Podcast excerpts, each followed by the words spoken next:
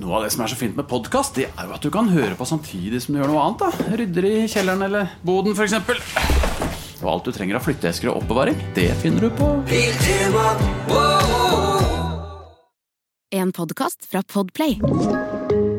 Ja, jeg, jeg spurte jo For Gene har jo da tatt polaroidbilder eh, opp gjennom året, alle disse han har uh, hatt seg med. Han har det, ja. Ja, så jeg spurte han om disse bildene en gang, eh, og han for, fortalte at ja, ja, det stemmer. Han hadde masse permer med bilder av alle sammen. Det, det var en slags Han kunne se tilbake på hvor han hadde vært og helt tatt. en slags- Hvor han hadde vært, ja. ja. I hvilken by med hvem. ja.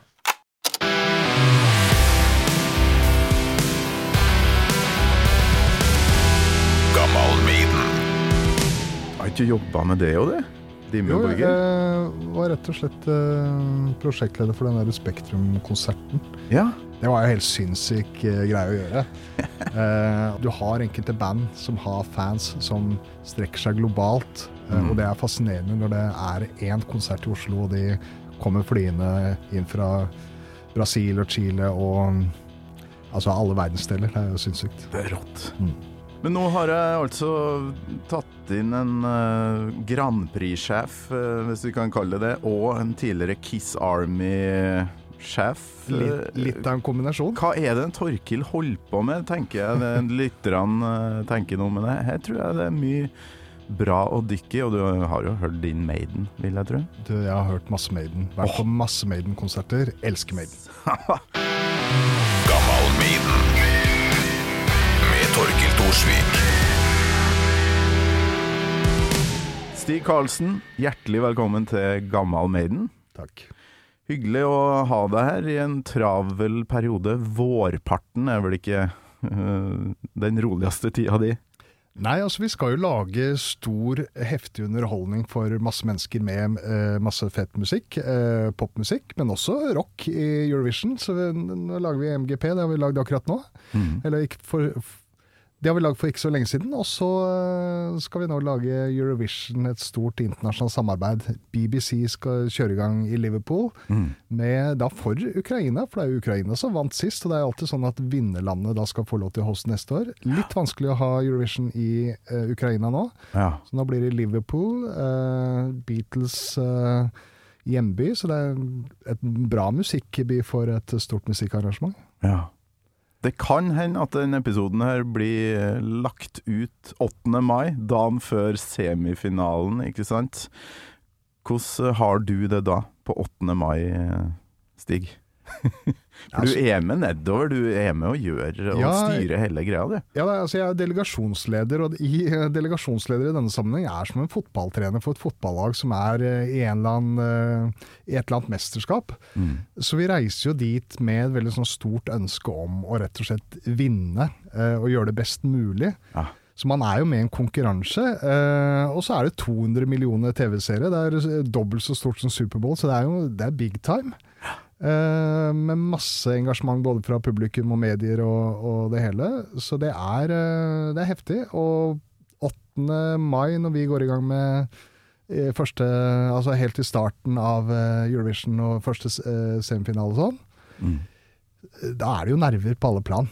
Det er mye som skal ordnes, og alle kjenner på de der konkurransenervene. Hvordan går dette? Kommer vi til finalen? Ja, det gjør vi. Jeg var jo med for jeg jobba i NRK i, um, da vi var i Wien med Mørland og Scarlett. Vet ikke om du jobba med MGP da, gjorde du det? Du, da var jeg rett og slett på en eh, skoleringstur. Det var min første Eurovision-tur, så da var jeg nedover Ja. med viten om at jeg skulle ta over neste hele året etter. Mm. Det er min eneste Eurovision-finale sånn uh, internasjonalt, og for et sirkus, altså. Det er et uh, voldsomt sirkus, og eh, jeg mener, altså, engasjement er jo deilig, ikke sant? Om det er heavyrock, eller om det er eh, fotball, eller om det er Eurovision. Altså, det er jo bare å heie på folk som har en dedikasjon. eh, Og Eurovision har jo fans som, eh, som metall har fans. De uh, uh, er ikke helt like, men, men de deler også veldig mye, mye av det samme. Ja, men det er ikke så rent ulikt opp på scenen. Jæklig mye pyro. Der er metal Du, ja, og det har vært noen ganske heftige metallacts også i Ja. Eurovision. Det er en scene for alle. Det er jo det som er gøy, at det er en twistpose av eh, hvor alle har lov til å komme med seg og sitt og dyrke si, sin musikk og sitt image. Så, og så er det jo litt sånn Det som er elska, er jo også veldig hata. Ikke sant? Har jo også blitt liksom, og rocken har jo blitt spytta på, vi, vi har blitt latterliggjort, ikke. Eh, og det er det samme med fansen til eh, Eurovision og de som følger med på de, de blir spytta på og latterliggjort de òg. Så vi deler noe, selv om det er eh, to litt sånn forskjellige universer. Er det en, en av årsakene til at du holder på med det her nå? At du tenker at det her eh, det er litt sånn motstand, det liker jeg. Ja, men det er det. Det er det. Eh, Jeg tenker at eh, det er veldig vanskelig å argumentere mot én million norske TV-seere på MGP og eh, 200 millioner TV-seere på Eurovision. Altså, det er vanskelig å argumentere mot den type oppslutning. Eh, og jeg har alltid vært fan av ting som treffer folk, lager bølger, og det er alltid masse temperament og mye skriverier i mediene. Det er liksom litt sånn storpolitikk, det er litt krangling mellom en, enkelte land som er i, i konflikt, og statslederne kommer uh, på banen. Og, og dette skal jo bare være et hyggelig, mus, uh, morsomt musikkarrangement, men så er det liksom litt sånn larger than life da, på veldig mange plan.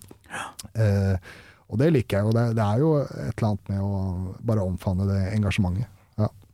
Og så er det noe rock innimellom. Måneskinn og Lordi og Carburators var jo innom. Vigvam, ikke minst. Ja, ja, ja, ja. ja, ja. Og det, det er ikke rock som kommer fra Lurer på om jeg hørte noe australsk som skal være med i år, som Mm. var ganske rocka.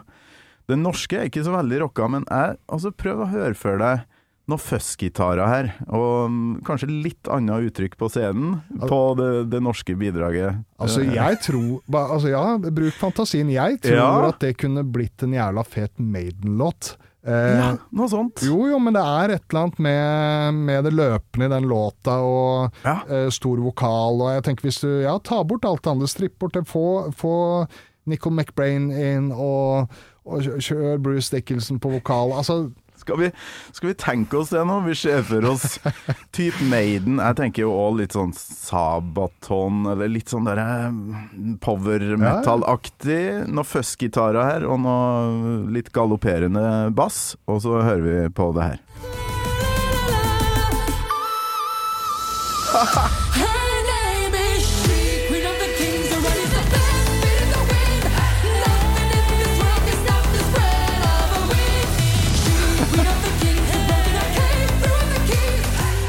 keys. She digger dere.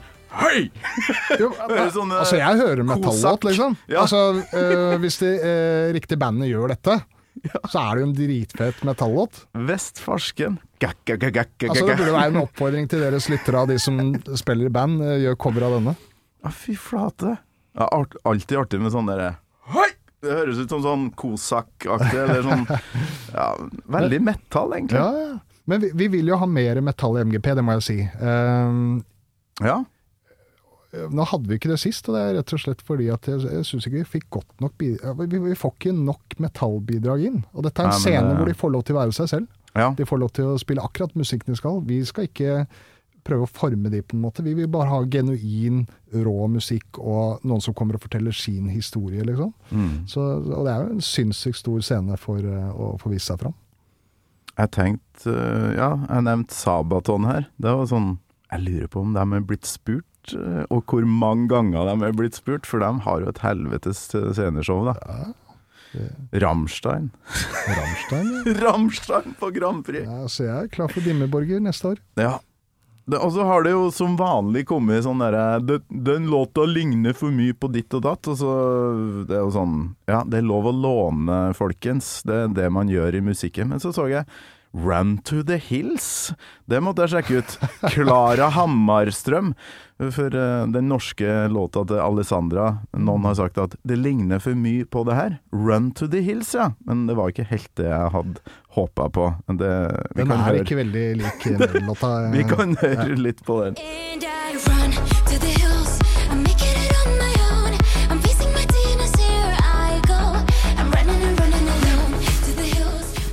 Det er ganske mange sånne låter på dusinet her, så um, Ja, det er noen hav unna plagiat, eh, men det, popmusikken den har jo, låner jo litt av hverandre her og der og sånn. Dette mm, Veldig likt er det ikke. Men, men det, disse diskusjonene kommer hvert år, så de kommer hvert vi år. lever godt med det. Men du, vi må finne ut av reisa di fram mot å bli eh, Kalles det Eurovision-sjef, eller hva kalles eh, Altså- stillinga di? De liker jo å kalle det MGP-general, eh, men jeg har jo aldri tatt i et våpen, så jeg veit ikke hva det betyr. Men eh, om det er konfettikanon, da kanskje jeg råder over. Men, Mm. men det er jo Jeg tror det er litt sånn Per Sundnes-tida, så, så ble den generaltittelen, liksom. Så mediene bruker det. eh, Høres ikke ut som en sånn Martna, liksom. Martnas general.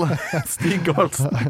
Ikke veldig opptatt av det, men jeg har, jeg har vært prosjektleder, da, som vi kaller det NRK, Ja. eller produsent for MGP i mange år. Eh, og da har jeg liksom overblikk og armer og bein i alle deler av produksjonen. Mm. Eh, og så eh, er det litt sånn at jobben for meg er litt sånn livsstil, og så hadde jeg liksom musikkompetansen, så jeg tok over den jobben også. Som om jeg ikke hadde nok fra før. Så jeg er musikkansvarlig i dag. Mm. Eh, og så har jeg fått eh, fine folk litt rundt meg, så jeg ikke har eh, liksom måttet bære så mye over så mange år. Så, så ja, jeg er den som synes i mediene, prater eh, og sprer gleden. eh, og så får jeg lov til å reise rundt og booke eh, artister og låter, og holder sånn MGP låtskrivercamper, og du vet Oi, Åpner alle kult. slusene for at folk kan sende, sende meg musikk, og så bruker jeg mange fine hoder til å rett og slett gjøre et utvalg. Da. Så ganske grundig arbeid med å plukke ut låter. Og det er jo eh, verdens fineste jobb, og et mareritt. Vi får jo så mye Det er selvinnsikten i dette landet er det dårlig med. det kan jeg tenke meg. Men Bare å se på en god, gammel Idol-episode, så skjønner du hvor, hvor mange som ikke helt skjønner. Nei, men folk har kjærlighet, og folk eh, ikke sant? Dette er jo deres barn når de leverer et eller annet til oss, og så skal vi behandle med respekt. Og Ja. jeg peker aldri på de tingene, eller de folkene som jeg tenker at du burde kanskje gjøre noe annet. Nei, Men denne gangen så ble det jo en sånn viral greie med hun Alessandra her. Hvor tidlig begynte du å, å skjønne at det her, det her kommer nok til å nå langt? Nei, men jeg tror det er noe av derfor jeg har fått denne jobben, og derfor jeg har denne jobben, er for at jeg har en teft. Um, og det er ikke sånn at jeg treffer alltid, det er derfor det er viktig å bruke mange hoder og ører. Uh, men når jeg hørte den låta, så eh, sa jeg til meg sjøl at denne låta kommer til å vinne MGP, og kommer til å ha en fair sjanse til å vinne Eurovision. Det, jeg visste det fra dag én. Så eh, det var gledelig å se at man får den bekreftelsen at dette blir Plutselig var det en viral hit, og så ble det en stor eh, internasjonal hit. Og i Norge så er det jo mest eh, strømma låta, så vidt jeg veit, i år så langt. Um, så det eh, Det, den ja, har et eller annet. jeg, jeg, er jeg sånn så den også umiddelbart, ja. Et eller annet sånn umiddelbart der som funker da på sosiale medier og sånt. Men du sier at du har litt sånn oversikt over absolutt alt. Du, jeg tror du er en sånn type um, en sånn Hasse Lindmo kjenner jeg litt, eh, som bare gjør sånne svære produksjoner. Og der er det mye rockefolk, altså. Som, eh, så det, nå må vi til bunns i hvordan du, du fikk den her roa, for du må jo du, du kan ikke være av den nervøse typen når du har så jækla mye ansvar. Um, Men jeg så- tror- ja. Ja, jeg tror mye av det kommer fra rocken. Uh, for der er det et eller annet med å trøkke til. Det er et Mm. eller annet med å ikke være feig, og du kjører på. Uh, rockere skal være tøffe. Mm. Uh, og ehm, se på Bruce Dickinson. Se på Gene Simmons. De er Ja, de er jævla eh, fine musikere og eh, de råeste liksom, karakterene i rocken vi har. Men de er også jævla strategisk smarte, og de er eh, enormt gode businessfolk. Mm. Jeg er så imponert over hva Bruce eh, har fått til. Bare se hva altså Han kjører altså Han er eh, pilot eh, på de største flymaskinene i verden. Han flyr crewet sitt, og altså alle Maiden-fans kjenner jo til dette. Flyr dem rundt verden. Eh, og han er idrettsmann, han brygger øl, og, og han skriver bøker. Han, han gjør eh, så enormt mye, og så er han eh, da vokalist i et av verdens største rockeband. Eh, Ja, og de tingene der er jo inspirerende. Så, eh, så, så det er en form for skole. Jeg tror Jeg var veldig dårlig på skolen, men jeg leste veldig mye rockebiografier. Eh, og da historien til Bruce Dickinson, historien til Gene Simmons og Kiss, eh, har vært min skole i forhold til å tenke strategisk og være smart i mine valg. Og, Så veldig mye av det som er MGP, er jo egentlig DNA fra, fra Iron Maiden og Kiss. Åh, men da må vi til starten uh, Maiden-messig, da. Husker du Stig Karlsen første gangen du hørte Iron Maiden? Ja, det gjør jeg faktisk, for det var hjemme hos en eh, kompis. eh, Vi er liksom tilbake i 19... Sikkert 80, 81, 82-ish, vil jeg tro. Jeg var sånn Oi. åtte-ni år. Ja. Uh, kan det ha vært Killers-skiva? Det var det jo sikkert, hvis du tenker på årstallet. Eh, og så husker jeg veldig liksom at fort så kom Powerslade og liksom uh, ja, Altså hele den katalogen til Maiden kom jo inn i huset. Eh, kjøpte jo alt som var. Og så var det jo eh, første konserten, da. 1986 i Drammenshallen. Eh, 'Somewhere in Time', 'Somewhere on Tour'-turneen. Eh, Du var der, ja. ja, der var jeg, da var jeg 13, eller noe sånt. 13 år, tror jeg. ja. Uh, og jeg husker jo at det å være en liten 13-åring og liksom skulle få de beste plassene Du ville egentlig inn foran, rett foran gjerdet der alle andre var, men Ja. Jeg var jo ung, eh, og det var mange store, skumle gutter med mye naglebelter på seg sånn. Var du der med noen myndige folk? Nei, jeg tror det kanskje var eh, den første konserten jeg var aleine, liksom. 13, 13 år. Eh, men så husker jeg at jeg skulle sni På et eller annet tidspunkt så var jeg tøff nok da, til å komme meg litt fremover. Mm. Eh, og så hadde jeg liksom kommet meg på en sånn veldig fin plass eh, nede i Drammenshallen foran scenen der. Ja. Men akkurat når jeg var på plass der og følte meg som mest komfortabel, så var det jo sånn at eh, det var en sånn oppblåsbar Eddie med sånne armer. Ja, som sida. ut, så plutselig ble jeg liggende under håndflata til Eddie, så ingenting. Nei! var du under den Ja, ja, så, så der var jeg var ikke så lenge, men det var liksom fra å være veldig fornøyd med å karre seg fram til en god plass, til å plutselig ligge under hånda til Eddie og ikke få sett en dritt. Så det er mitt minne om eh, første Maiden-konserten. Å, fy flate. Jeg- Det var Stranger in a Strange Land-videoen som jeg fikk på First Ten Years-VHS-en, der jeg ser de armene der, der eh, Bruce står oppi håndflata til Eddie. Og der funka det jo, det var visst mye krøll der, at det liksom eh, At av og til ga Eddie fingeren, for det var kun langfingeren som, eh, som ble blåst opp og sånn. Men det, visna den litt, altså at den liksom landa oppå hodet ditt? Var det det som skjedde? Ja, så den, den var uh, designa i hvert fall sånn uh, i forhold til scenekant og sånn, at den, den kom ut over publikumsgreia. Så jeg husker jeg hadde liksom en svær sånn oppblåsbar uh, Ja, det var, kan godt hende jeg lå under pekefingeren, jeg vet ikke. et Så annet. Ingenting. Så ingenting. Fy flate, så rått. Men det sceneshowet, det er vel ikke det er vel ikke like stort som uh, Slavery Tour, da, med sarkofagen og full pakke, men, men likevel ganske det må, For en 13-åring på 80-tallet. Nei, det var var helt det? vilt, og så er det jo et eller annet med Man måler jo alt med de produksjonene som er på den tida. Det er klart Hvis du ser på produksjonen i dag, så, så har jo ting endra seg, og det er bra det. Eh, Det blir jo større og mer heftig, men, men det er klart at det var jo det største og heftigste du kunne se på på den tida der. Så det Mm. å være 13 år i Drammenshallen med, med Maiden, det var heftig. Tentes det en eller annen drøm om å holde på med noe lignende, eller? Ja, altså det- det er akkurat eh, eh, rocken, metallen, store show, eh, lys, engasjementet fra folket. Mm. Så, så, så det, det henger i hop med den TV-jobben og de store musikkarrangementene som jeg jobber med. Mm. Steike. Men det her, det her er jo et dumt spørsmål, muligens, men hva var det første bandet da som fikk deg til å bare Åh, det her, det her er livet. Det her skal jeg holde på med. Nei, det var jo Kiss. Det var Kiss. Eh, Jeg har vært eh, Kiss-fan i mange mange år. har hatt eh, egentlig gleden fra å være veldig fan til å faktisk bli litt venn med de gutta. Jeg har jamma med noen av disse gutta, og jeg har Jamma? Spiller du Ja, Bruce Kulik og jeg har gjort ting sammen. Og så har jeg hengt mye med Eric Singer, og jeg er jo liksom på hils med Paul og Jean og sånn. Jeg har vært mye i kulissene deres gjennom åra. Men eh, der er det jo én ting. Når vi er på Gamma Maiden, så burde vi vært i Drammenshallen i 1980, hvor Ja. Maiden og Kiss spilte sammen. Ja. Eh, da var jo det spede begynnelsen til Maiden, så Maiden var jo oppvarming den gangen. Men eh, det var jo veldig mye Maiden-fans eh, på plass og så at dette er det neste, neste bandet jeg skal eh, hekte meg på. Var du allerede da Kiss-fan der? Sånn seks-sjuårsalderen? Ja, det var, det var i det året, men da tror jeg ikke engang jeg liksom hadde noe oversikt eller eh, eh, Altså, jeg var for ung, rett og slett, til å være på den konserten. Jeg hadde ikke noe eh, Senere jeg fikk kunnskap om det, men eh, Men jeg tror mange eh, Kiss-fans, eh, Maiden-fans, skulle gjerne vært eh, der den kvelden. Men nå var det jo 6000 mennesker der, så det er mange som kan fortelle oss eh, fine historier.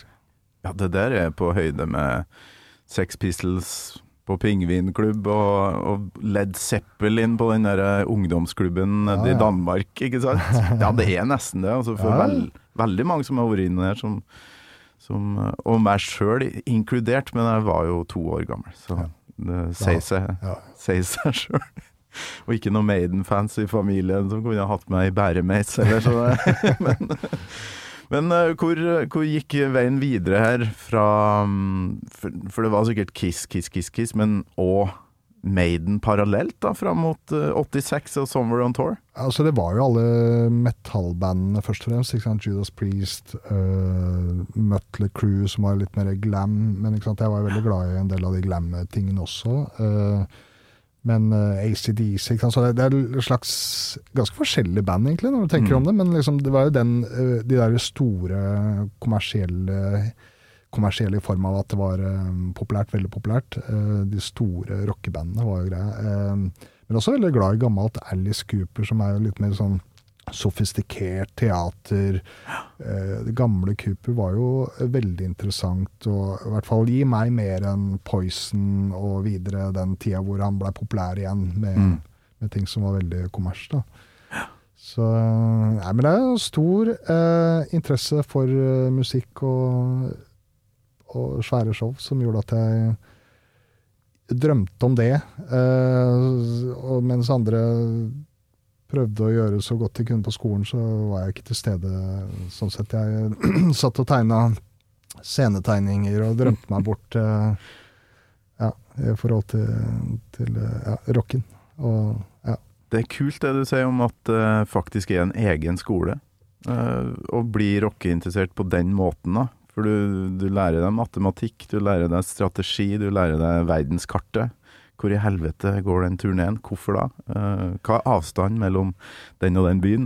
Ikke sant? Det er spot on. Altså, min skole har vært rocken. Mm. Interessen for det faget og rett og slett eh, Altså eh, kunnskap, en inspirasjon. Eh, så, så, så rock er Altså, du kan ha, i hvert fall fra gammelt av, at foreldrene liksom sier at nå må du konse på skolen og sånn, sånn men jeg, jeg tror rock og det å ha andre interesser og ikke nødvendigvis bare gå den tradisjonelle veien, er en bra ting. da. Mm. Nei, fy flate. Det, jeg tror det er mange som hører på, det er mye musikere som hører på, det er helt sikkert, som kan kjenne seg igjen i det her, da. For øh, ja, jeg har jo spiller jo i band sjøl, og den motstanden du får da Hæ, du skal ikke få til Tyskland og går i minus, og hvorfor, hvorfor skal du det? Du må på skolen, du må, du må studere, du må gjøre det sånn som de andre. Men aner du hvor mye jeg lærer på den turen, eller? Ikke, 14 dager i en high-ace nede Ja, i ja, ja. Tyskland på autobahn. Du tror man lærer å møte folk og Ja, ja. nettverk og Ja. Nei, altså Ikke noe vondt om tradisjonell skolegang. Altså Det er fint, det. Men det er ikke for alle, og det fins andre veier til kunnskap og til inspirasjon og til, til en yrkeskarriere. Eh, Og min vei var ikke skolen, det var uh, gjennom å bli inspirert av, av rock, rett og slett. Og du spilte, eller spiller sjøl òg, tydeligvis, Hvor du har jamma med Bruce Kulick.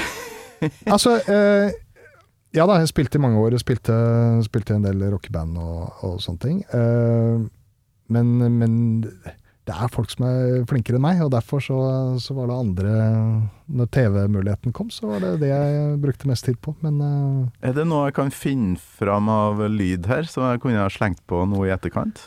Ja, du kan spille soloen eh, til mainline på en eh, en tribute-album til, til Kiss som heter eh, Hva kan det hete? Ligger ute på Ja, den ligger på Spotify, så den kommer du til å finne.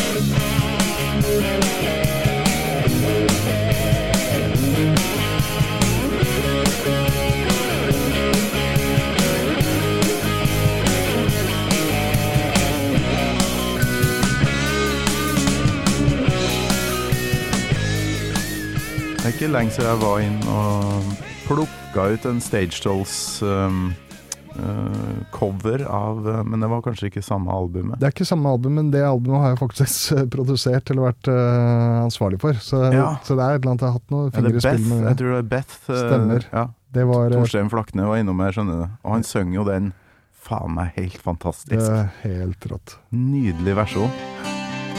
Beth, I hear you calling,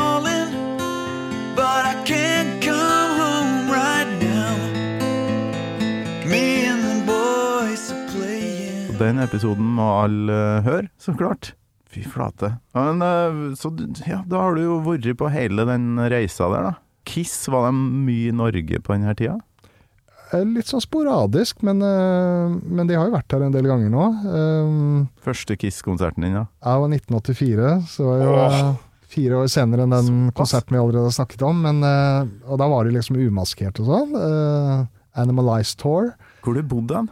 Jeg bodde i Rælingen, og liksom stedet rett ved Lillestrøm. Eh, Okay. Og da var det jo en kort uh, togtur uh, inn, til, uh, inn til Drammen. Og Skedsmohallen da? Skedsmohallen var jo veldig nært. Det var jo nesten nabohuset.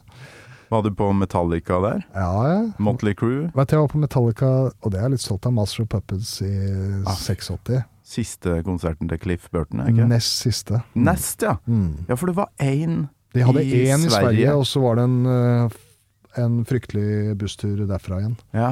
hvor dette skjedde. Men, men det er jo rart uh, at du ser et så legendarisk band og ser nest siste konserten. Vi, der var vi inne og kosa oss og hadde det kjempegøy, og så to dager senere så, så var uh, ja, legendariske Cliff borte. Det var uh, snort. ja. Mm.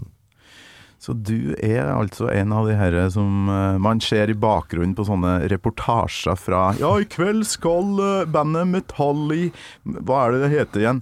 Og så er det sånn folk i bakgrunnen. Jeg sitter oppe i Nord-Trøndelag, og så bare Fy faen, de er så heldige gjengen som får lov til å gå på der. Og der var du.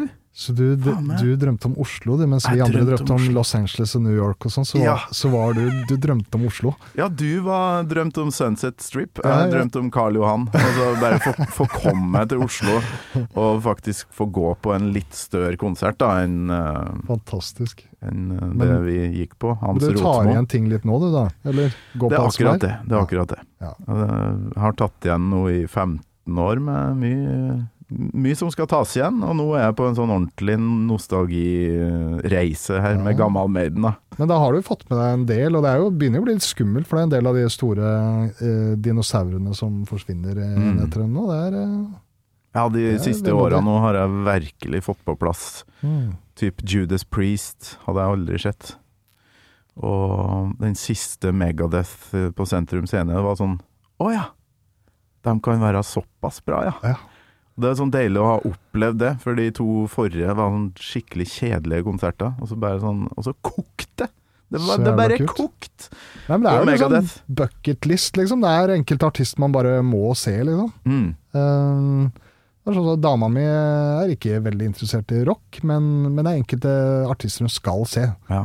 Så når jeg sier jeg skal på Alice Cooper, jeg skal være med. Ikke sant?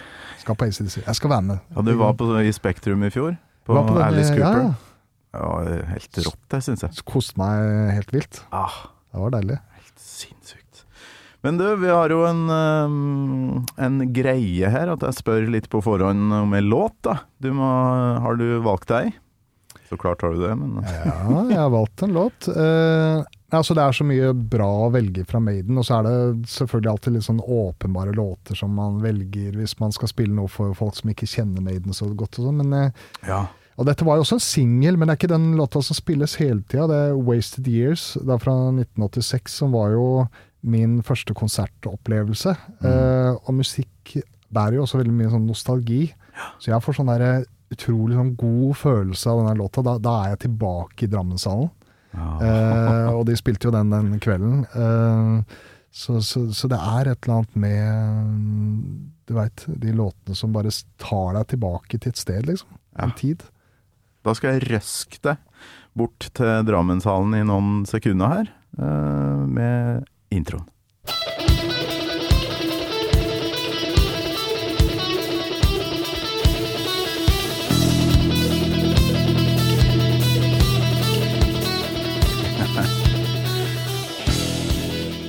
Det er frysninger. Det er gåsehud. Husker du hva du så altså, da han spilte f.eks. den låta her? Adrian, Ja.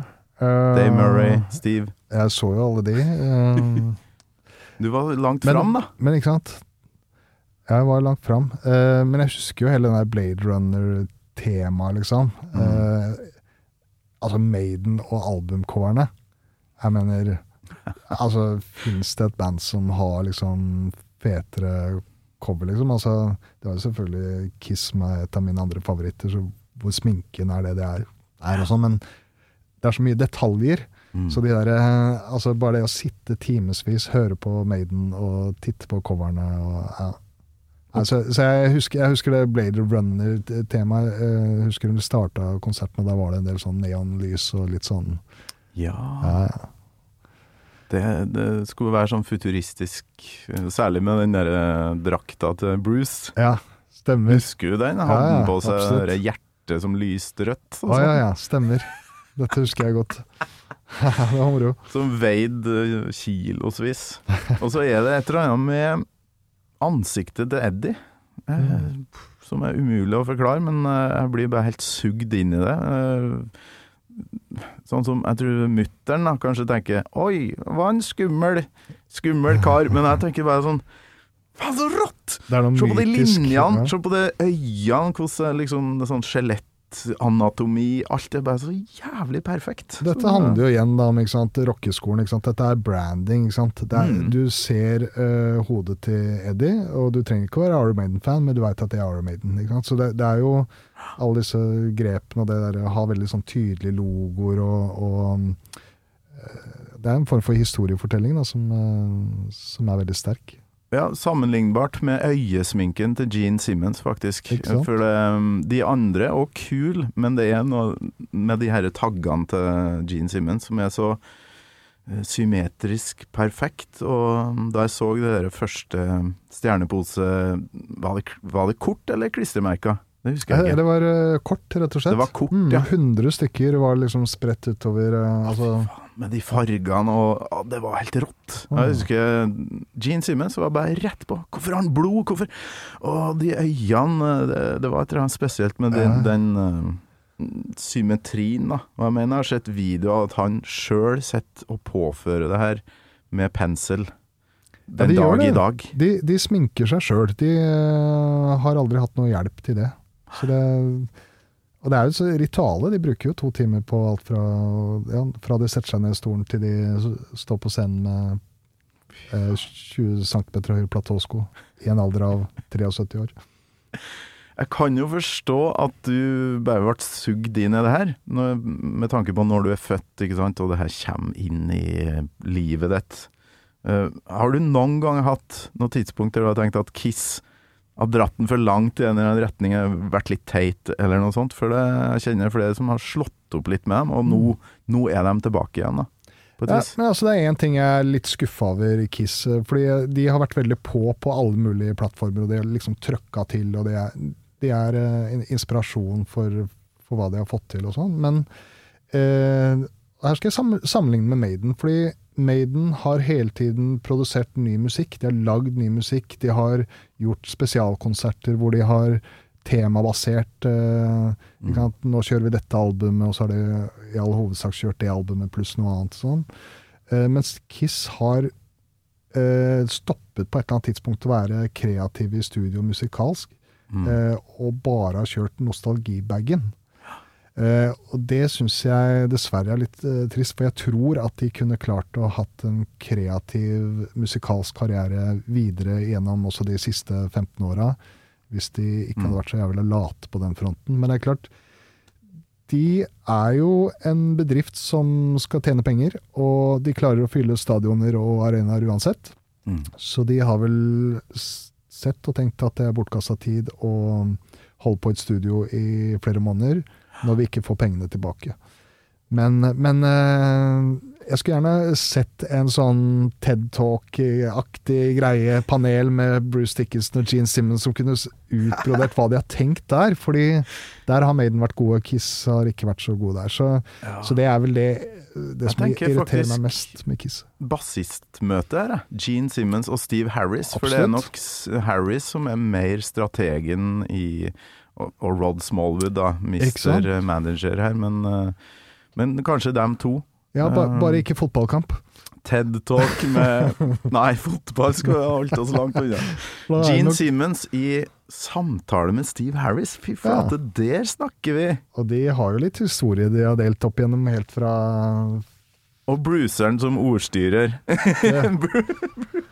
Dette, dette må du få til. eh, Dette Få skal de vi få hit. til. Ja, få dem inni det lille kottet jeg har her på Radio Rock, så ordner det Det kommer til å gå viralt. Å, fy flate.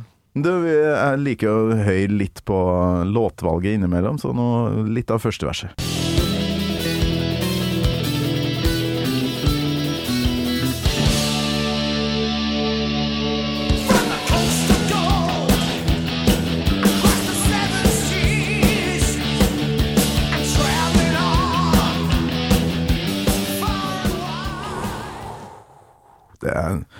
Egentlig litt sånn utypisk Maiden-låt. Det er jo Adrian Smith som har eh, skrevet det, og da, da blir det litt utypisk. Men i, i pakka til Maiden så passer det bare så jævlig godt inn med noen sånne ja, Ja, det er det- Sidesprang. Ja, sant. Og det er, vi trenger jo det som katalog, for det er klart at mye av musikken til Maiden og ACDC sånn er, er liksom uh, i samme greia, og det er bra. Det er det vi Mm.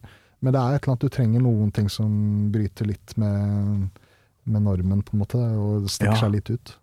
Trenger noen sånne låter. Motorhead er et jævlig godt eksempel. Der kan jeg altså, Sorry alle som elsker Motorhead, men jeg kan bli litt lei da, av Også, Samme gang vi ser om ACDC, men der, der er det litt mer nyanseforskjeller. Men når plutselig så kommer den derre eh, 1916-låta om eh, første verdenskrig. Mm. Helt fantastisk. Og ikke minst den I Ain't No Nice Guy. Når, når, når de tør å Mm. gjøre de tinga der, Mm. så er det så, det er så deilig. Veldig befriende. Og samme med, med Wasted Years. Um, som jeg tror bare er en sånn sentimental um, låt om å være på turné og savne uh, heimen sin, rett og slett. Mm. Nå skal jo du snart uh, på Eurovision-finale å være i eh, ei uke eller to, så vi må høre refrenget.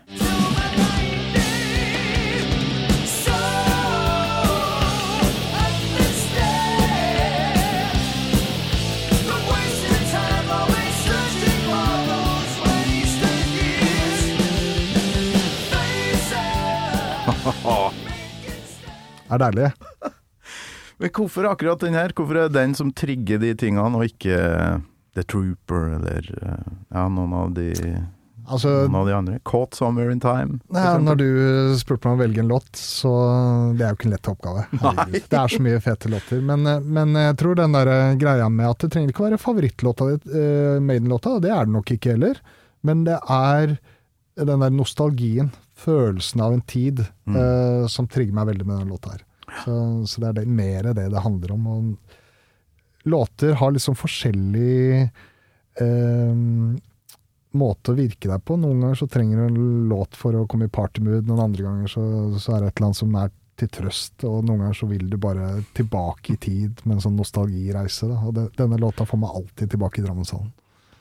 Har du hørt eh, Ryan Adams sin versjon? Nei. Bør Jeg har, ja, jeg har et lite klipp, da. en Sånn, for det er mange som har prøvd, Mm. men uh, det her er faktisk jævlig fint. and it makes me wanna cry. Throw my hands up to the sky and so understand. Don't waste your time always searching for those wasted years. Face up, your litt deilig. Det er kjempefint. Og så er det et eller annet Skal du gjøre en cover, hvorfor gjøre liksom, prøve å kopiere låta mest mulig? Jeg mener, den låta har vi. Det er, veldig vanskelig å eh, gjøre en låt bedre enn originalen, hvis du er i liksom prøver bare å kopiere. Så Mm. jeg syns de kuleste coverne er når folk tør å gjøre noe annet. Ja, fy flate. Eh, Det fins det finnes en del folk som driver og lager balladeversjoner av eh, Den her er jo litt sånn obvious, det kan jo være en ballade, men det det fins jo balladeversjoner av Run to the Hills, for Mm. Som er, funker som bare juling. Det er bare det å tenke tanken og Ja, gjøre det. ja, ja. Det er sikkert sånn du holder på når det nærmer seg Grand altså- Prix. Sende ut noen sånne følere. Fikk Kurt Nilsen til å gjøre Crazy Crazy Nights i balladeversjon på det ene albumet jeg, hyllesalbumet jeg lagde. Så eh, den gikk jo kjempebra. Den Ja. gjør jo fortsatt på konserter i dag. Gjør den det? Ja, ja. This is my music, it makes me proud. This is my people, these are my crowd. These are crazy, crazy, crazy, crazy nights. Hei, du som hører på Gammal Maiden, det setter jeg utrolig pris på. Mitt navn er Torkil, lager Gammal Maiden, og nå har jeg laga noe nytt her. Gammal Maiden spesial, som ligger i Radio Rock-appen eller på radiorock.no, men du finner det kun hvis du har Radio Rock premium-abonnement, som du kan prøve gratis, altså. Kom deg inn og registrer deg, og sjekk ut Gammal Maiden spesial. Det er en, det er en serie der jeg tar for meg de viktigste Maiden-låtene fra 80- og 90-tallet, og forteller liksom hele historia. Og så er det litt eh, høydepunkter fra gjestene jeg har hatt innom, da. Over 140 har jeg hatt nå i Gammal Maiden, så sjekk ut Gammal Maiden spesial i Radio Rock-appen eller radiorock.no. Er du noe sånn eh, Er du gitarist? Ja. Sånn uh, solo-gitarist? Ja, altså det er lenge siden jeg la fra meg gitaren. Ehm, jeg var sånn habil låtskriver, uh, og så uh, Ikke noe sånn derre musikkteori. Eh, på samme måte som jeg var dårlig på skolen, så var jeg også dårlig i musikkteori. Som er jo Sånn er det jo for veldig mange musikere. Det er veldig Mange av de største musikerne er ikke nødvendigvis så gode i musikkteori. Men, så jeg var sånn, hvis jeg kunne sette meg ned og ha et heftig komp, og så kunne komponere soloen, eh, rett og slett av G-er, eh, så kunne jeg lage fete ting. Men eh, Jeg er nemlig ikke noe gitarist, men øh, jeg hadde håpa at du kanskje kan forklare meg hva som skjer her. For det, det er slutten av soloen til Adrian Smith som går inn i verset. Det er vel noe av det fineste som med hele låta, spør du meg. Vi kan høre på det først, og så har jeg noe live-greier etterpå, skjønner du, som jeg lurer litt på.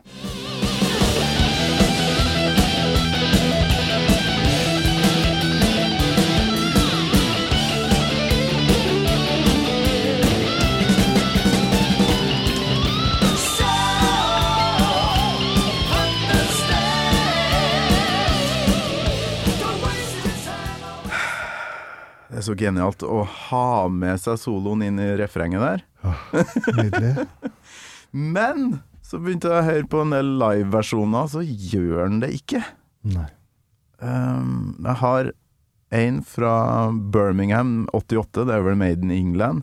En fra Rio 2016, og, og til slutt en eller annen rar der, der gjør han det faktisk, da. Men den Rio, der tror jeg faktisk det er Yannick Gears, han nye Ikke nye, han begynte i 1990. Men han tredje gitaristen som har soloen, det syns jeg var veldig rart. Det er Adrian sin solo! Hvorfor i helvete driver de og bytter på? Men eh, nei, la oss høre litt på hvor eh, Ikke dårlig, men mindre bra det blir når de ikke spiller solo inn i refrenget.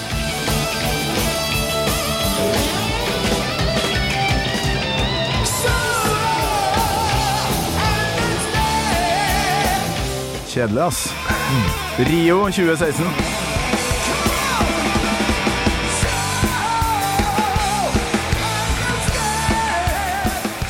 Nei, nei, nei. Den her.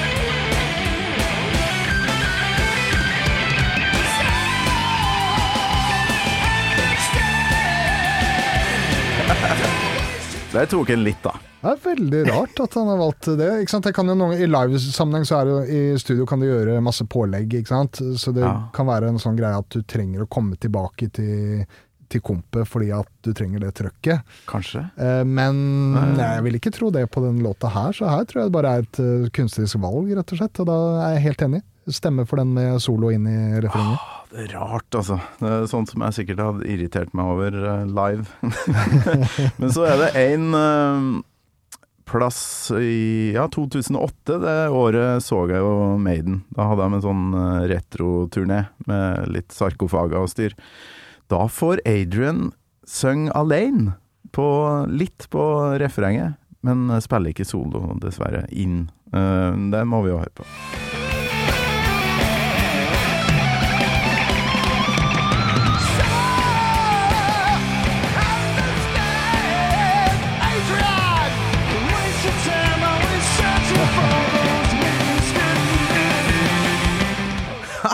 Ja, deilig. Det er tøft! Og dette liker jeg så godt, fordi at uh, dette kan bare heavyrocker drive med. Ja, Ikke sant? Studere disse små detaljene, forskjellene fra konsert til konsert. ja rått. Eh, og vi Det er jo helt unyttig, ubrukelig til alt annet, men det er veldig mye rockere der ute som bruker enormt mye tid på disse tingene. Ja. Og det er veldig bra, det beriker livet vårt. Jeg satt en times tid i morges, eh, fra halv ni til halv ti. velanvendt tid, vil jeg si. Ja! Men det er så deilig. Jeg husker ikke om de gjorde det på Valle Hovin, nemlig. Eh, akkurat det her, da. Men bare Adrian! Og så har han, det har vi jo hørt på flere låter, en sånn jævlig kul sangstemme. Mm. Waste your time, I was Litt mer sånn avbalansert da enn den herre frampå Bruce Dickinson. Og det er så digg Ja, ja. at de har et par sånne baki der som Ja. kan eh, backe Bruce og ja. Jævla bra. Når var din Det- første Maiden-konsert? Var det 2008? Det var faktisk den der. Ja, altså det, det handler bare om timing. Hva jeg gjorde i år 2000 da var comeback. eh, hva jeg gjorde to år etter. Da, ikke sant? Men når du fikk du kicken? aldri. For Maiden er ditt favorittband, eller? Ja, ja, Du sånn har et fra radioprogram som heter Gammel Maiden. Ja, men det er jo det bandet som er Kiss for meg, da. Mm, som eh, Det her skal jeg holde på med resten av livet mitt uansett. Eh, Det liksom gikk opp et lys for meg, og så var det Lest alt av bøker, måtte se alle filmene som låtene var basert på, måtte finne ut alt. Det der, du har god smak. Ja, jeg syns det. det kunne ha vært Metallica, det kunne ha vært Kiss, det kunne ha vært Men det er bare timing, da. Det er et eller annet med enkelte artister, enkelte Altså musikken som resonnerer bare det der ekstra hakket sterkere enn de andre. Ja. Jeg har helt vilt uh, sterkt forhold i tre år, der jeg fant ut alt. Og så flytta jeg til Namsos, og så var det bare sånn Faen, du må høre på Faith No More, du må høre på Pantera, du må jo høre på Sepultura og Seigmen, ikke minst. Fy Ja, flate som jeg hørte på Seigmen. Fy fader, mye fett musikk. Motorpsycho. Ja, Helt rått. mye bra musikk fra Norge òg, så. Ja. Men det, går det på disse Bruce Dickinson-talk-greiene og sånn? Jeg har vært på to. Ja. Det funker, det. Eh, fascinerende fyr. ja, eh, det er jo eh, noe å bli inspirert av, liksom. Ja, Har ikke Gene Simmons noe sånt? Jo, jo. Ja. Alt som kan generere penger, har Gene Simmons.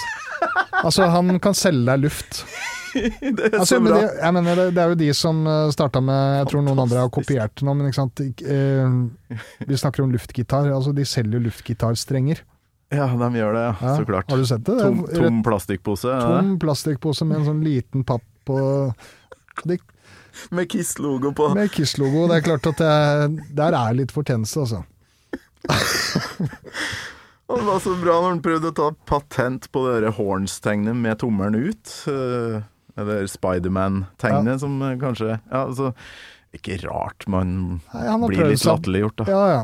Nei, han har jo patent da på dollartegnet sammen med en pengesekk. Men jeg mener, Hæ? ja ja. eh, Skal du ha en sånn typisk sånn, sånn gammel sånn cowboy, eh, sånn pengesekk, sånn Donald-aktig med Ja. dollartegn, Ja. så er det Gene Simmons som eier det. Problemet er jo det at det er ingen som bruker penger lenger. Penger er jo alltid, så jeg mener det Men hvordan kan jeg eie det? Nei, Altså, det eh, godt spørsmål. Patentregler, altså. Det, det skal jeg hatt en egen episode om. Nei, men det, det er godt å høre da at du har litt sånn ironi på det, for eh, det er jo det inntrykket mange har. av Gene Simmons. Ja, ikke sant. Jeg mener eh, Altså Driver du en butikk, så driver du en butikk. Da handler det om uh, hvor mye penger kan du få inn. Men ikke sant. Jeg, jeg hadde en samtale med Eric Singer, uh, Kiss-trommisen, uh, som jeg kjenner godt, som er venn av meg, Ja. om dette med hvorfor de holder på, penger og bla, bla.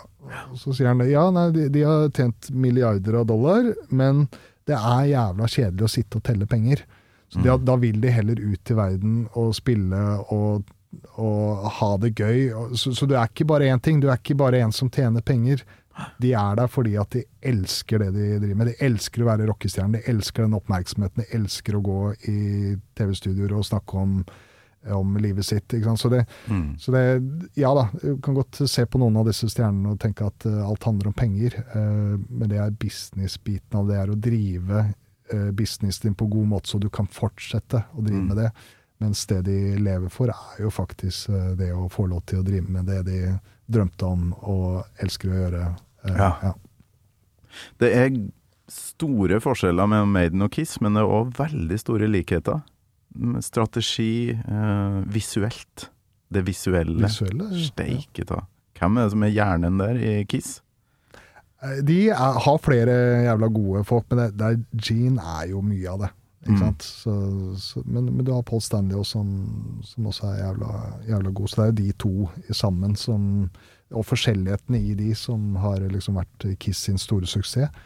Og så har du jo hatt Ace Frehley og Peter Chris fra starten av som sørga for uh, denne rock and roll flair. Det er de som kom med alt som handla om sex, drugs and rock and roll. Mm. Det er veldig mye sex på Gene Simmons òg, men uh, 4800 kvinner, er ikke det han skryter på seg? Eller noe sånt? Han har det òg, ja. ja, han hadde en po polaroid Dette Slår funnet. Rune Rundberg eh, Ja, jeg, jeg spurte jo For Gene har jo da tatt polaroidbilder eh, opp gjennom åra, alle disse han har uh, hatt seg med. Han har det, ja. Ja, så jeg spurte han om disse bildene en gang, eh, og han for, fortalte at ja, ja, det stemmer. Han hadde masse permer med bilder alle sammen. Det- var en slags Han kunne se tilbake på hvor han hadde vært og helt tatt. En slags, Hvor han hadde vært, ja. ja. I hvilken by med hvem. ja. Og så, og så snakker jeg med Pål etterpå, um, hvor jeg spør han om, der, om han noen gang har sett disse polaroidbildene til Jean. Mm. Og da sier han nei, aldri sett. Å nei. Ok, men, men finnes det ikke? Jeg trodde Polaroid uh, var slått konkurs, jeg. Det er svaret hans, liksom. Ja, ja ok. Ja. ja, nå får du polaroid-kamera. Veldig populært om Ja, dagen, ja, faktisk. det er jo tilbake. Men det har vært det lenge. Sikkert en periode det var vanskelig for eh, Gene å få tak i sånn film. ja, jeg vet ikke. Det er jo digg med de her mytene. Det der eh, og Maiden-mytene var jo Gikk jo foran dem eh, med, med fektinga til Bruce, uh, fotballspillinga til Steve Harris. Det var mye sånne eh, stories. Ja, fader. Det er gøy. Velkommen til Kjemperådet! Vi har fått inn et kjempekleint problem fra Trine Lure 22. Ok. Jeg leser. De to andre i kollektivet mitt har begynt å date, og jeg syns det er veldig kleint når vi skal se på TV sammen, og de bare skal kline. Ok, ja, Hvordan skal hun løse dette?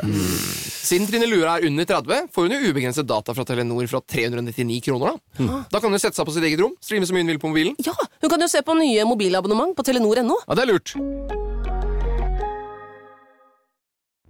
20 nye sparetips hos Kiwi.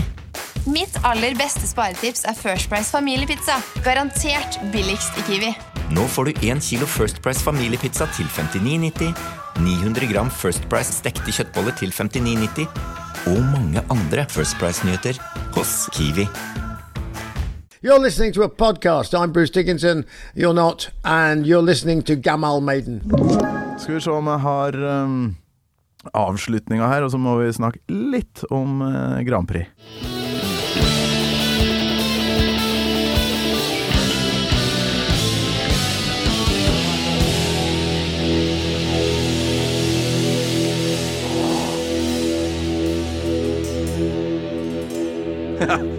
Gir seg aldri. Men faen, lyden her òg. Det er, ja, magisk. Ja, magisk eh, sånn 80-talls, litt sånn synt sånn langt i det fjerne. Fy flate. kan jo skjønne Uh, Og så hadde du hele katalogen, du kjøpte alt og Å, ja. var helt sånn vill, eller? ja, ja. Kjøpte alt og så Maiden jeg hadde mulighet til å se de og, og sånne ting. Jeg har sett i Staten nå, faktisk, en gang. På Seven Son of a Seven Son Tour. Hæ? Ja. Var du i USA Jeg på var i? USA på ferie med mor og far og min uh, kjæreste da. Jeg var ikke gamle karen, men jeg hadde en uh, ungdomskjæreste. Hun, uh, hun var ikke så glad i Maiden, men ble med på Maiden-konsert. Vi så den. Det var i Florida. Hvor ellers Ja. er det man reiser med for, sine foreldre når man skal til USA? Ja, ja. Nei, jeg hadde jo håpa på Long Beach Arena, som har blitt Ja, veldig ja, ja. ikonisk i Maiden-sammenheng. da. Oh, ja, deilig. For, ja, jeg har hatt en gjest innom som var der òg, faktisk. Tenk det. Det er- Eh, Mikael Abrahamsen, det. Så han var der på recording av uh... Jeg tror faktisk det, altså. Når jeg, det, det husker jeg ikke, så lenge siden han var innom her. Men, men Det er du å stå i denne arenaen og høre det som er på liveskiva, liksom. Ja. fy faen. Men tenk, eh, var det i Drammenshallen da Backstreet varma opp? 88? Eh, Var du da i Florida? Nei, jeg tror faktisk at jeg ikke var på den, at jeg, den turneen så var det Florida hvor jeg fikk sett det. Ja. Um, no prayer og mm, etter hvert òg, eller? mm, Ja. Ja, Så her bygger du litt stein på stein. Du går rockeskolen, du lærer deg det visuelle og hvor viktig det er med sceneshow. Alt skal klaffe, det er mye greier. Men når var det liksom skjønt at um, ja, at du kunne, kunne holde på med det sjøl? Sånn sceneproduksjoner og sånt. Hvordan kom du inn i, i det? Altså Det begynte veldig det små fordi at jeg arrangerte en del ting. Eh, Kiss-interessen min gjorde at eh, man begynte å lage sånne Kiss-conventions. Rett og slett eh, type arrangement som hylla Kiss. Eh, og de eh, holdt jeg og et par kompiser på Rockefeller i flere år. Eh, og hvor vi klarte å fylle opp det huset. Og vi klarte også å komme på et sånt nivå at vi fløy inn ett og ett Kiss-medlem som skrev, eh, altså signerte på ting og kanskje gjorde en låt med et coverband. og Oi. gjorde det ganske stort, rett og slett. Sånn, så, så det trigga en greie, det at du begynte å forstå hvordan promotere dette, hvordan kommunisere med folk for å få det inn til å gjøre ting. Det var en form for eh, skole. Le, Lese opp på musikkbiografier og hørt alle de tingene. Og så, Ja, ja, ja. og så eh, fikk man liksom mer og mer kunnskap om det. Og så, og så er det På et eller annet tidspunkt så var det mulighet til å eh, se på en jobb og søke på en jobb i NRK. Og der har jeg, det har vært min skole etter det. Det har gått, eh, vært, ja, vært i NRK i mange, mange år. Og rett og slett bare mm, fått større og større muligheter, da. Eh, Men det er alt preget av en drive Mm. på lyst til å gjøre noe, og en inspirasjon fra, ja, fra rocken og metallen og fra alt det man har lært gjennom det. Og da har det vært alt fra Dimmeborger i Spektrum til idrettsgallas og masse greier. Hva er det heftigste du har gjort sånn personlig, som du føler at det her, det her var helt sinnssykt svært? Nei, eh, det er jo som du sier, altså Dimmeborger får lov til å jobbe med den produksjonen. For jeg var prosjektleder og hadde også postarbeid på det, altså klipping, redigering, alt den biten der. Med Eh, kork og kor og greier. Kork og kor og svær eh, spektrumproduksjon. Det, det var definitivt en av de feteste tingene. Hvordan, Eh, hvordan mikker man opp et kor og et orkester samtidig? Hvor mange, hvor mange ledninger var det? Vet du hva? NRK har noen av de råeste uh, musikkprodusentene i verden, og dette, dette er uh, for fact. Uh, Mm. Og de som da satt i egne lydbusser med, med, som du sier, ganske mange mikrofoner, og den jobben, lydjobben som ble gjort der, Ja. er ganske sinnssyk. Så, så gjør man, sørger man jo for å få de opptakene i Spektrum når det skjer, og så er det jo masse etterarbeid for å få dette til å henge i hop og låte som det skal. Så. Mm. Husker du om alle koristene hadde myggmikk, eller håndholdt, eller hvordan var det? Godt spørsmål. Jeg, tror, jeg er ganske sikker på at de hadde øh, håndmikker. Um, og det er sikkert noen som kanskje også sang i de samme mikrofonene. Men, øh, men det var en kompleks øh, produksjon å gjøre.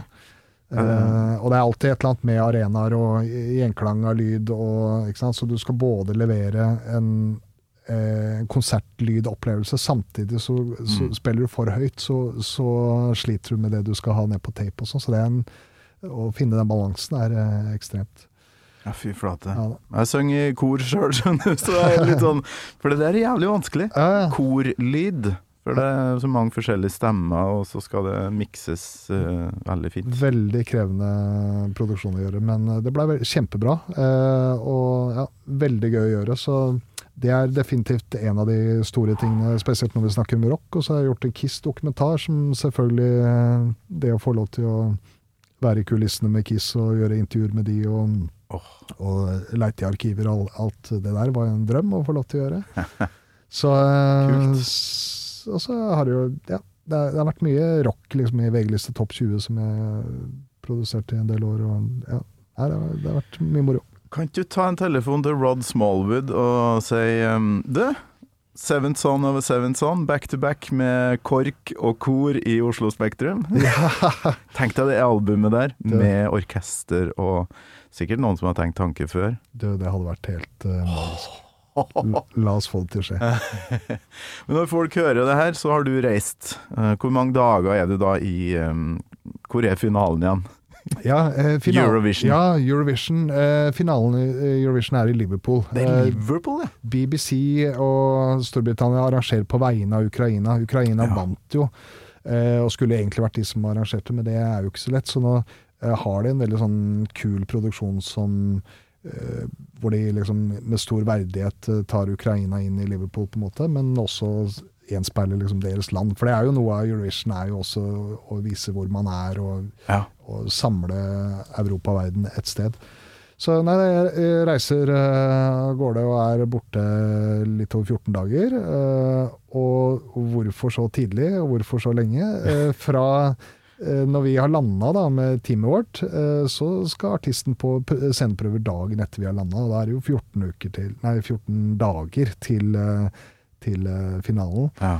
Eh, Men så er det så mye mediekjør og ting og tang. Det er liksom 1500 mediejournalister, og det er eh, fullt kjør i 14 dager. Så det, Jeg husker det rommet vi journalistene fikk. Det var jo en sånn gymsal, og det var pa pakka med folk som satt og rapporterte og skrev om Grand Prix. det er uh, verdens største musikkarrangement, så eh, lik det eller ikke, så er altså, oppslutningen 200 millioner mennesker, det er det vanskelig å argumentere mot. Og jeg mener uh, gøy om vi kunne fått noe mer rock også inn i MGP, fordi det handler jo bare om å spre budskapet av fet musikk. og Mm. Jeg tror mange som så måneder siden Jeg tror det er en Victoria, en bassisten Jeg tror det har blitt mange kvinnelige tøffe bassister etter at de vant Eurovision. Vi trenger flere Vi trenger mer rock på, på, på TV. Alt handler om timing der, tror jeg. Så plutselig et år så får du en fire-fem jævlig bra låter. Da så- sliter vi. Ja. For du kan ikke ha bæremetall heller. Nei, vi, hadde, vi hadde jo Jørn Lande her, det var en jævla kul ting å gjøre. Det er jo ikke så lenge siden. Ikke sant? Det var en jævla fet uh, låt. eh, spille den på Radio Rock fremdeles. Du, den er dritfett, og det Jørn syns det var! Ikke sant? Du kan den.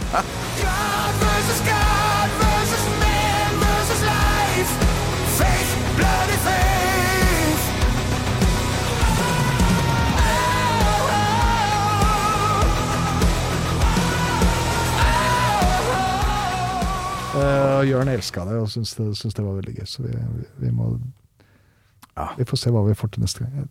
TNT, kanskje? Det hadde vært gøy. TNT på Eurovision. Ja. Ja, ja, ja. Jeg stemmer for. Jeg må overtale Hoste opp gamle Tindrum igjen. Drums of War. ja, Ja, Vi får overtale Ronny, så Mm. Kvelertak. Kvelertak.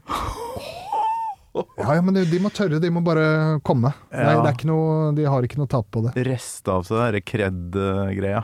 Ja, ja, fordi at Kred. eh, Ja, kred, kred i sted. Altså, greia er bare at de må komme med metallen, liksom, og, og la, det, la folk få det. Ja. ja. Hvor mange er det som ser på den finalen? Den, uh... Den uh, internasjonale, ja. ja, det er 200 millioner mennesker. ja, ikke sant? Det er dobbelt så mye som Superbowl, så det er, eh, Det er ganske mange turneer, det. det er ganske mange turneer. Og nå, jo, nå skaper man jo store hits, liksom. Det noen Ja. av de største hitsene i løpet av et år er jo kommet fra MGP og, og Eurovision, så det er jo kult. Helt rått. Men du, det har vært akkurat så bra som jeg hadde håpa på. Håper du har kosa deg, du òg. Det kosa meg veldig. Jeg Ja. mener, jeg får lov til å sitte her og snakke metall og rock eh, med deg. Jeg jo, herregud, vi kunne sitte eh, sikkert et døgn til, vi. Det har vært veldig koselig. Begynte å bli litt sulten bare, skjønner du. Så vi, men nei, vi kunne ha sittet kjempelenge. Og så ønsker jeg deg all mulig lykke til, eller eh, hele delegasjonen i for, for det her kan gå veien, eller? Du, vi har en litt sånn. flere sjanser. Altså. Ja, vi har en veldig heavy konkurrent til Lorraine som vant jo for noen år siden. Hun, eh, er liksom, Sverige er liksom powerhouse når det kommer til Eurovision, Ja. men, men vi skal gjøre vårt beste, og vi har en fair sjanse. Lorraine og Yesterday's News. Det her er jo et helt nytt ansikt. Sånn eh, norsk-italiener. Ja. Ja, dritbra. Og så få på noen fuzzgitarer på den låta her, så er det jo Maiden. Eh, jeg ser for meg at det kommer en eh, at eh, med dette programmet nå at det kommer noen coverlåter av den Ja, låta. Det, Queen of Kings, og det er, sånn, det er noe wings der, og det er veldig Flight of Icarus, nesten. Så Absolutt. ja, kjør på. Men uh, tusen hjertelig takk for besøket, Stig Karlsen. takk skal du ha. Gammal Maiden med Torkel Thorsvik. En podkast fra Radio Rock.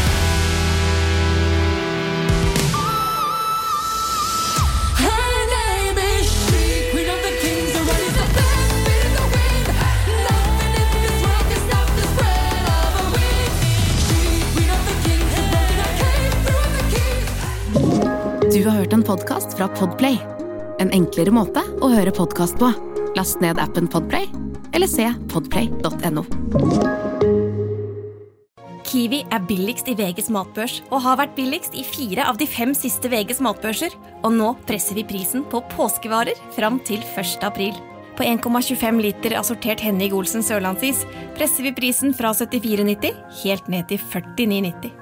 På assorterte 250 ml Cevita og Bendit smoothies presser vi prisen fra 1990 helt ned til 12,90 pluss pant. For det er vi som er prispresserne. Og vi i Kiwi gir oss aldri på pris.